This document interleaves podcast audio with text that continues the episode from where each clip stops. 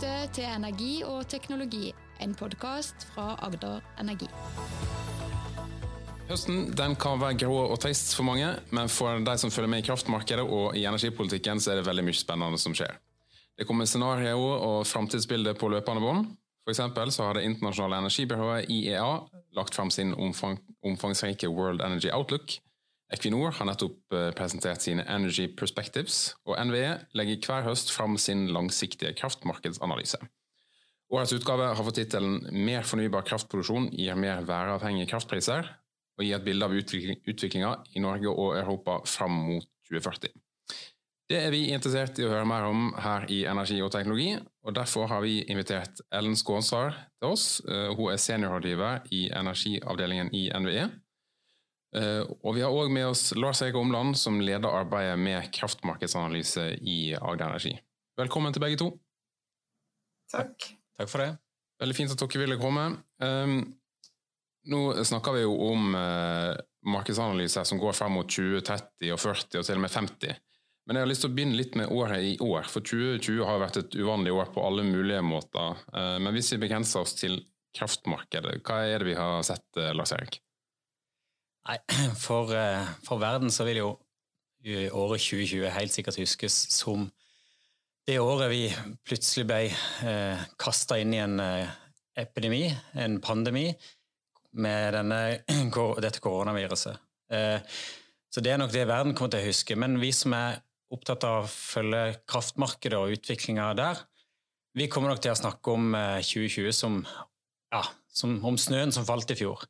Vi kommer til å snakke om 2020 eh, som et år med enormt mye snø som kom vinteren 2020. Eh, Og et år som egentlig aldri, aldri ble tørt. Det har vært enormt mye nedbør. Eh, så vi har en situasjon som er veldig uvanlig i forhold til sånn som det har vært tidligere. Og da har vi fått noen ja, helt vanvittig lave priser? Vi har fått noen helt vanvittig lave priser. Noen sånne eh, poenger der er at vi for første gang eh, har fått negativ pris eh, på strøm her i Sør-Norge. Det vil si at når produsentene produserer strøm, sånn som vi gjør i Agder Energi, så må vi rett og slett betale for å levere den ut på nettet. Det har bare vært noen få timer, men det er første gang det har skjedd. Ellers så ser det ut til å bli en snittpris på året på kanskje under eh, 10 euro per megatime, eller 10 øre per kilowattime, sånn cirka, eh, som er rekordlavt. Eh, vi må tilbake til i alle fall til 2000 for å få like, se like lave priser. Eh, og, og, jeg hadde en kollega her som, som, begynte å mimre tilbake til 1990 og 1991, rett etter at eh, markedet ble liberalisert eller deregulert. Da hadde vi visstnok noen år med priser som var enda lavere. Det var visst både veldig vått og stort overskudd av kraft i, i, Norge og Norden. Så det er et spesielt år. Mm. Eh, det ser likt ut fra, fra NVE eh, sin side, Ellen? Ja, det gjør det. Det er jo et veldig spesielt år. Og det at man har fått så mye nedbør, også oppå den snøen som lå i fjellet, det gjør jo at vi allerede i oktober tror jeg hadde høyere års nedbør eh, enn eh, hele året i fjor. Så det er et eh, spesielt år på, på mange måter, 2020. Mm. Og ja, som sagt, korona er jo den store overskriften. Hvordan påvirker det når en skal se fremover og lage analyser? Det er lett å tenke seg at det gir enda større usikkerhet enn normalt, kanskje? Mm.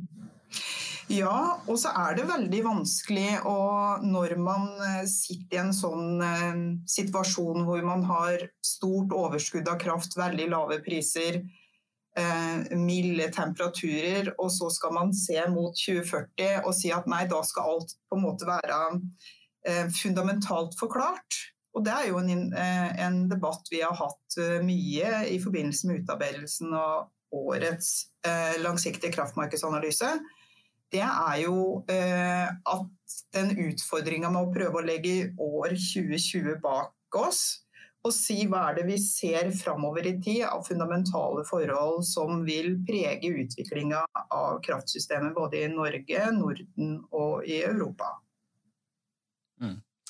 For, for eh, koronapandemien har jo også påvirka eh, markedet. Men, men, det vi ser for Norden, er at det generelt sett ikke har hatt mye å si da, i forhold til dette med det våte været, og også det at vi er i ferd med å få et nytt kraftsystem eh, både i Norden og Europa som er i større og større grad preget av fornybar eh, kraftproduksjon, og spesielt eh, stor økning i vindkraftproduksjon. Så, så i den sammenheng så, så, har korona Ja, det senker liksom forbruket litt. Det at vi sitter på hjemmekontor og, og eh, aktiviteten går noe ned, så gjør det at forbruket av kraft går noe ned. Og, og vi ser det på landene rundt oss at når samfunn stenges ned, så går selvfølgelig aktiviteten ned. Du produserer mindre ting, folk reiser mindre. Så prisene på olje går ned, prisene på ja, børsene går ned. Og det påvirker også kraftprisene. Um, og som Ellen sier, så når vi skal legge bak oss 2020, så må vi se framover. Og da vet vi at uh, kraftprisen den har en samvariasjon med disse andre energiprisene. Så når de går ned, så, så uh, får vi også bildet framover at uh, ting er noe lavere priser da enn mm. i dag. Men én ting vi har diskutert mye i NVE, det er jo hvor lite forbruket i hvert fall liksom mm, endra seg i Norge, i hvert fall i den første bølga. Mens man så at nedstengning på kontinentet førte til reduksjon i forbruk på 10-20% nesten fra en dag til en annen, så har vi jo um, har vi jo ikke sett den store reduksjonen i forbruket i, i, i Norge, i hvert fall.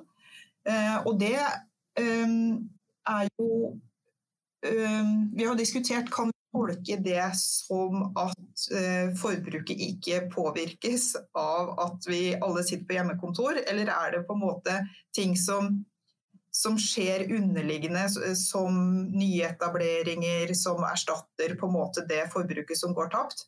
Det er jo um, en interessant um, uh, hvert fall tanke, da. For vi følger jo kraftsituasjonen uke for uke her i NVE. Vi lager en rapport, og da har vi jo sett at utslaget på forbruket i Norden har vært lavere. Eh, betydelig lavere enn i Storbritannia og, og Tyskland f.eks. Mm. Eh, hvis vi retter blikket fra det, det korte i år til, til, på litt lengre sikt. Eh, i utgangspunktet, Hvorfor lager en en, en langsiktig kraftmarkedsanalyse? Hva, hva, er det en bruker det til? Det er nesten litt sånn filosofisk spørsmål, men uh, eh, NVE har jo et oppdrag der, eh, Ellen?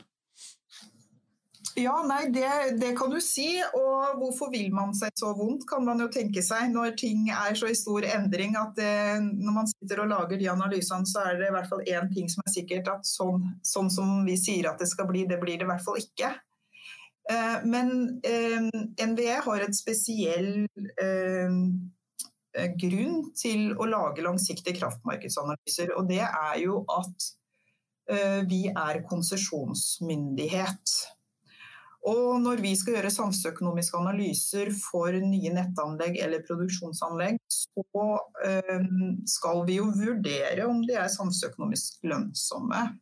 Og da må vi ha en pris å vurdere det ut ifra. Eh, og før 2015 så hadde ikke vi noe offisiell langsiktig prisbane på kraft. Og da eh, Det som skjedde da, det var at vi fikk et oppdrag fra eh, Olje- og energidepartementet om å lage langsiktige prisbaner, og at de skulle det være transparens om. Sånn at folk visste på en måte hvilken forutsetninger vi la til grunn når vi vurderte tiltak i, i kraftsystemet. Så vi har ikke så mange år eh, på baken. Men fra å lage en langsiktig prisbane, så, eh, og at det var på en måte hovedleveransen, så har jo langsiktig kraftmarkedsanalyse, i hvert fall i NVE, blitt et produkt hvor vi prøver å, å um, stadig utvide kunnskapsgrunnlaget da, for hva som kan påvirke norsk kraftpris både på mellomlang og lang sikt. Mm. Eh, da kom en over på årets eh, analyse som dere ganske nylig har gitt ut. Hvis du skal si noe om hovedtrekkene dere eh, ser eh, fram mot 2040, som er den perioden en dekker, mm. hva, hva, er de? Nei, jeg tror det er én ting som alle som lager langsiktige kraftmarkedsanalyser eh, fram i tid eh, vrir hodet sitt eh, rundt for å finne svaret på, og det er jo hva som skal balansere systemet eh, eh, på lang sikt. For vi, som de fleste andre, vi legger jo til grunn at det vil skje en dekarbonisering av elektrisitetssektoren i Europa. Og de teknologiene som i dag erstatter det termiske og fossile, er jo væravhengig, som vindkraft og solkraft. Ehm, og andelen regulerbar kraft faller i alle systemer.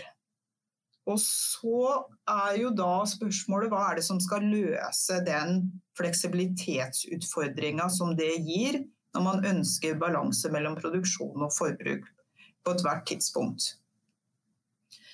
Så um, i årets analyse så har vi jo sett nærmere på uh, batteri, store, små. Um, og uh, vi har valgt også å legge mer vekt på forbruk til hydrogenproduksjon. Og om det blir hydrogenproduksjon eller eh, som blir det fleksible i framtidens kraftsystem, det vet vi ikke. Det er ikke det vi sier. Men vi sier at det er behov for betydelig mer fleksibilitet enn det eh, som er eh, tilgjengelig i, i, dagens system. Da. Dersom man skal klare å opprettholde balansen på sikt. Lars Erik, er det kjente toner for deg? Dette er kjent, uh, veldig stor utfordring når du skal lage analyse. og stor, eh, stort spørsmål som vi jobber med å finne svar på. Eh, og NVE er på en måte kanskje litt heldig her at de strekker sin analyse kun til 2040 og ikke til 2050. For EU eh, e har jo da mål om at i 2050 så skal det være nullutslippssamfunn. Og da må vi på et eller annet vis bli kvitt alle utslipp. Så, så lenge vi kan ha noen av de tradisjonelle produksjonsformene inne, f.eks. sånn som gasskraft, som er veldig, veldig godt til å regulere opp og ned.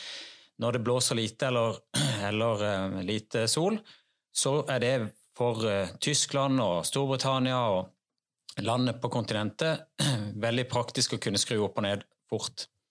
Og Det kan du ha en stund framover, men, men, spørsmålet er hva gjør du med det i 2050? Hvordan erstatter du det?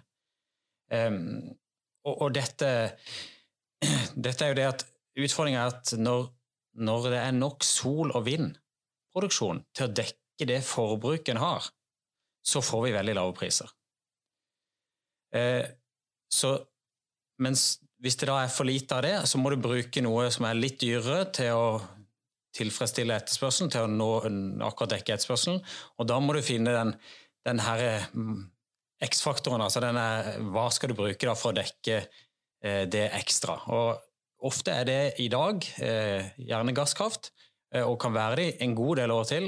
Men et sted der ute så må vi finne noe annet. Og da er det som Ellen sier, at eh, hydrogenproduksjon kan det være noe vi kan bruke for å produsere strøm med.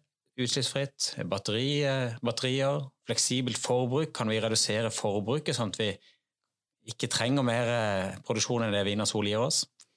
Men det er en veldig spennende utfordring eh, å analysere. Uh, du, du, nå var du inne på at en får tidvis veldig lave priser i et kraftsystem som blir, veld, som blir, mer væravhengig. og det, det, er jo litt av inngangen. Det er faktisk tittelen på, på, NVEs langsiktige analyse, Ellen. Mm. hva kan du si om ja, det? Vi, ja, vi ser jo ikke sant at må, eh, jeg er litt opptatt av det, de verktøyene vi bruker for å analysere framtida. Fordi vi har jo modellverktøy som er bygd opp for at det er tradisjonelle produksjonsteknologier som har brenselskostnader, sånn, som har en marginalkostnad som blir prissettende. Og Eh, dersom andelen sol og vind eh, blir større, så kan man tenke seg at man får et mer sånn binært prissystem. Enten så er prisen nær null når det er for mye, og når det er for lite, så går den liksom eh, høyt opp. Eh, og det vi eh, også syns eh, er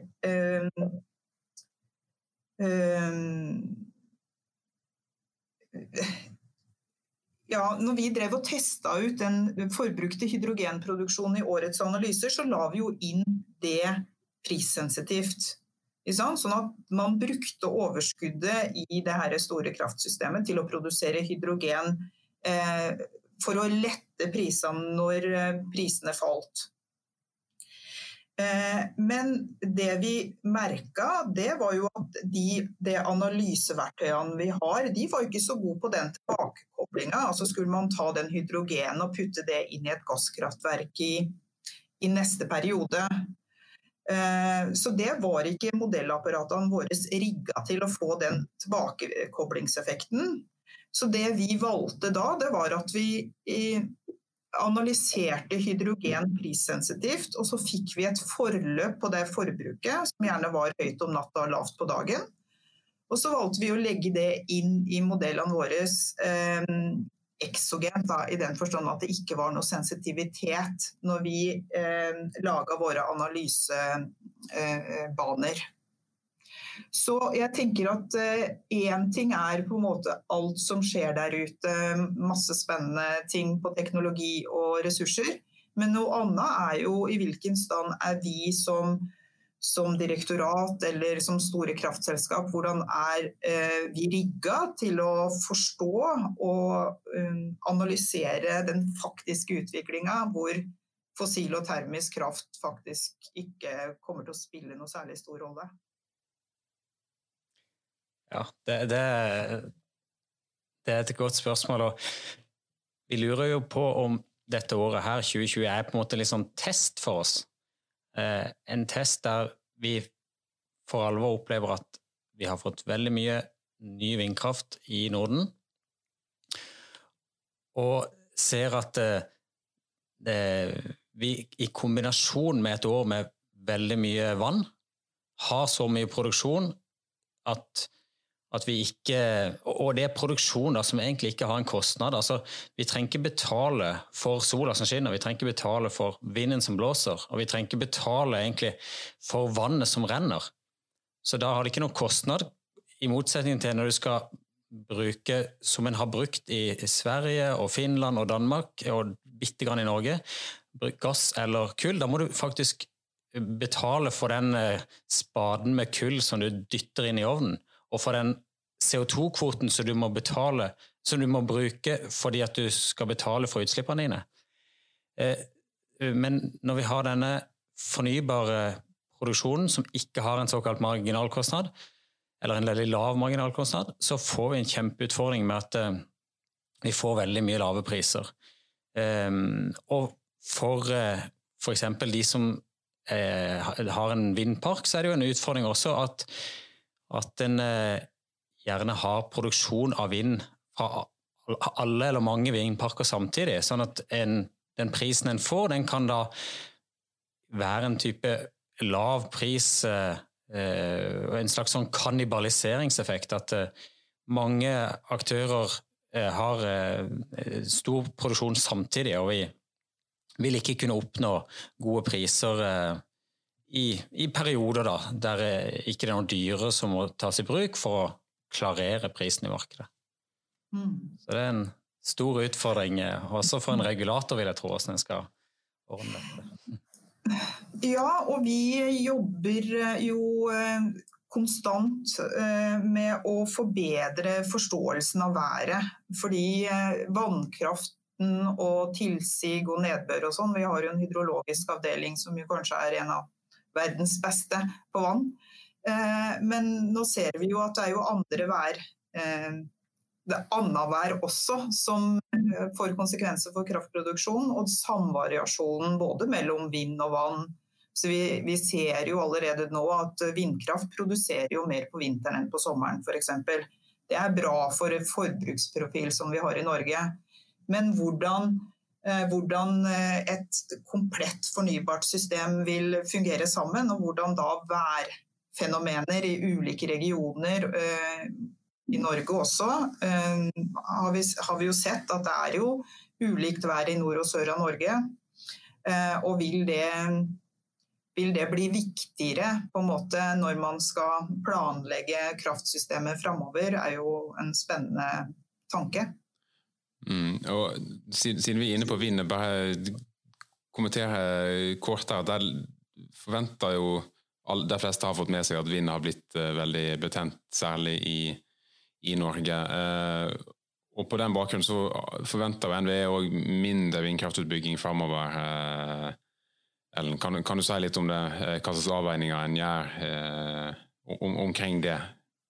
Um, nei, De avveiningene man gjør, er vel uh, at man har tatt utgangspunkt i de beslutningene som er tatt. At man uh, har stoppa konsesjonsbehandlinga av ny vindkraft til etter at nytt regelverk kommer på plass. Og så tar det såpass lang tid eh, fra man begynner å planlegge et nytt eh, kraftverk til det er på nett, at vi forventer at eh, med unntak av det som nå er under bygging, at det blir lite nytt før eh, mot 20, eller sånn rundt 2030 da, av, av vindkraft på land. Mm.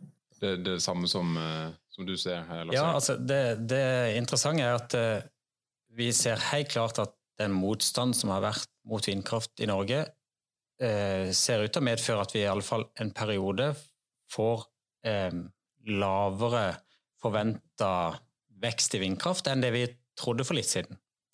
Mens på den andre siden så ser vi at i våre naboland, spesielt Sverige og til dels Finland, så har vi større vekst i vindkraftutbygginga enn vi kanskje trodde for litt siden. Og Det ser jeg NVE også skriver i sin eh, rapport. Så, så det, det, det, blir fortsatt betydelig vekst i produksjonen i Norden, som samla sett, sånn som NVE eh, antyder, ser det ut til. Så det er jo interessant at selv om vi reduserer på vindutbygginga i, i, Norge, så, så, skjer det andre ting eh, i Sverige. Det er ikke den samme motstanden, virker det å være i det hele tatt, i, i f.eks. spesielt Sverige. Da. Nei. Uh, en ting, Nå har vi snakka en god del om produksjon, ikke så mye om forbruket nødvendigvis. For En regner med en kraftig økning i både produksjon og forbruk i og for seg. Uh, lyst, lyst til å komme litt inn på det som, som handler om uh, elektrifisering det er jo den, den store trenden at en tar i bruk strøm på flere samfunnsområder i større omfang.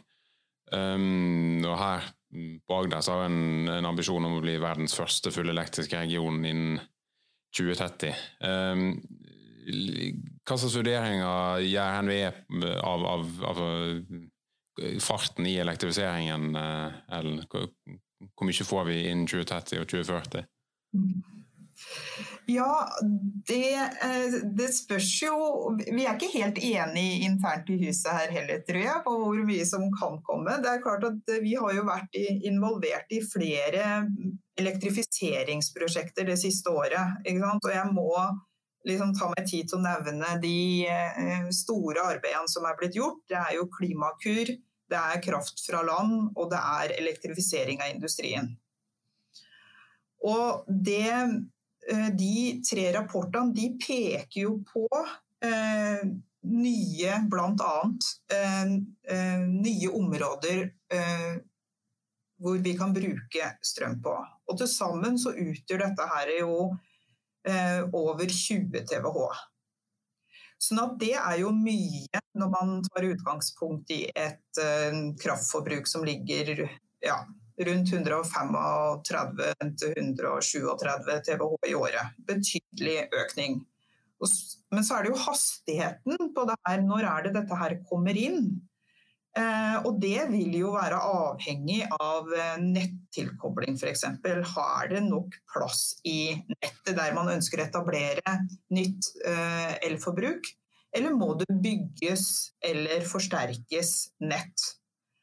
Og det er klart at dersom man skal bygge nett, så er det en helt annen historie enn det å ha direkte nettilkobling, da da vil eh, tidshorisonten bli mye lengre.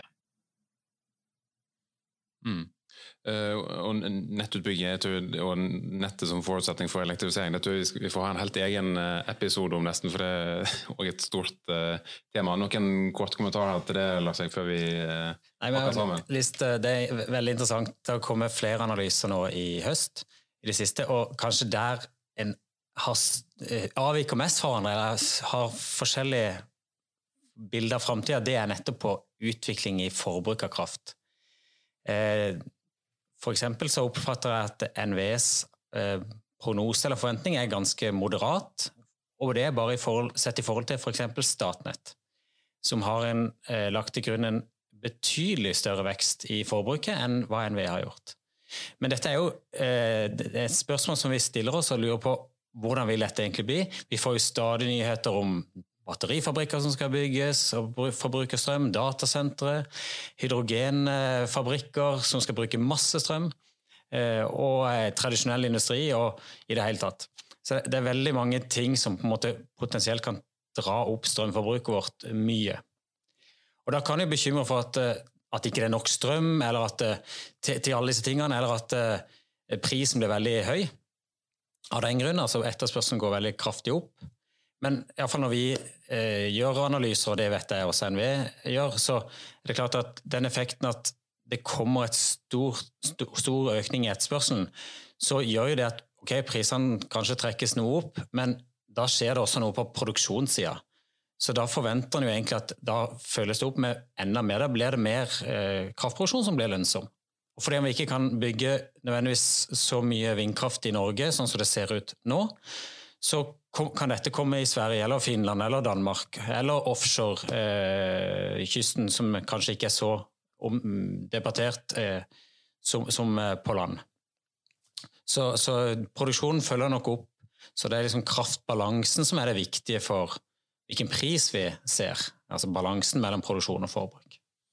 Og den uh, kommer til å være positiv for, for Norges del i, i, alle de bilder dere, dere skisserer her.